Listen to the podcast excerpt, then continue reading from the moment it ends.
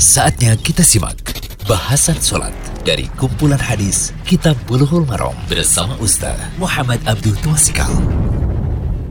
Bismillahirrahmanirrahim. Alhamdulillah, salatu wassalamu ala rasulillah wa ala alihi wa sahbihi wasallam. Kali ini kita masuk ke audio ke 95 dari pembahasan kitab Bulughul Maram karya Imam Ibnu Hajar Al-Asqalani kitab salat bab sifat salat. Masih dalam bahasan doa iftitah. Kali ini doa iftitah yang diajarkan oleh Khalifah Umar. Hadisnya hadis 272.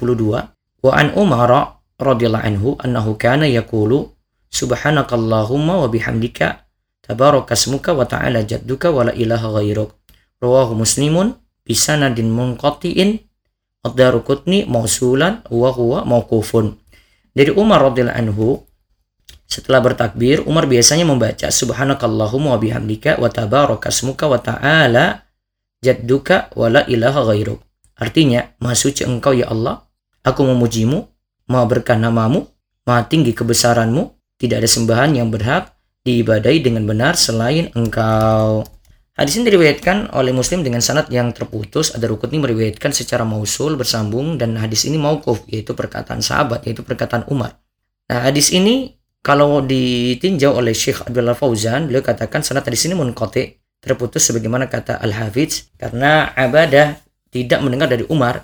Uh, Imam Muslim menyebutkan hadis ini dalam masalah tidak menjahirkan basmalah, tidak mengeraskan basmalah. Ada rukut ini meriwayatkan hadis ini dalam sunannya uh, juz 1 halaman 299 sampai 300 secara bersambung dan marfu. Namun yang mahfuz yang tepat uh, hadis ini adalah perkataan Umar saja. Hadis ini adalah perkataan Umar saja. Catatan Ibnu Qayyim rahimahullah menyebutkan bahwa Imam Ahmad memilih hadis Umar ini karena 10 alasan. Di antara alasannya karena Umar menjaharkan bacaan ini, bacaan iftitah ini untuk mengajarkan para sahabat radhiyallahu anhum. Sebab lainnya adalah doa iftitah ini mengandung pujian kepada Allah. Nah, kita lihat eh, rincian dari penjelasan doa iftitah ini. Ya subhanakallahumma masuci engkau ya Allah. Maksud kalimat ini adalah menyucikan engkau ya Allah dari kekurangan, baik dalam sifat dan penyamaan dengan makhluk. Wa bihamdika Aku memujimu. Maksud kalimat ini adalah penyebutan sifat yang dipuji secara sempurna, juga penyebutan perbuatan Allah yang terpuji dengan kecintaan dan pengagungan kepada Allah. Dengan kecintaan dan pengagungan kepada Allah. Nah, kalimat ini disambungkan dengan wow lil ya, artinya bersama, ya, artinya bersama, wawnya itu dengan huruf wow, ya.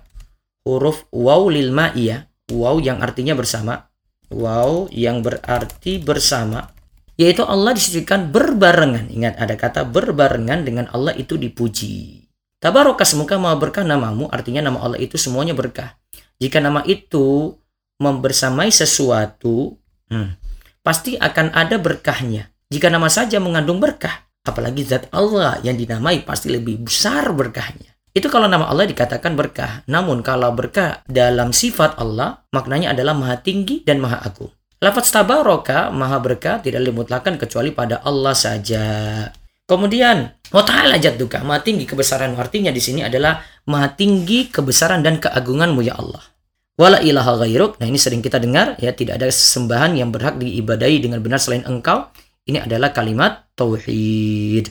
Ya, semoga bisa diamalkan ya yang ini adalah doa iftitah yang ringkas.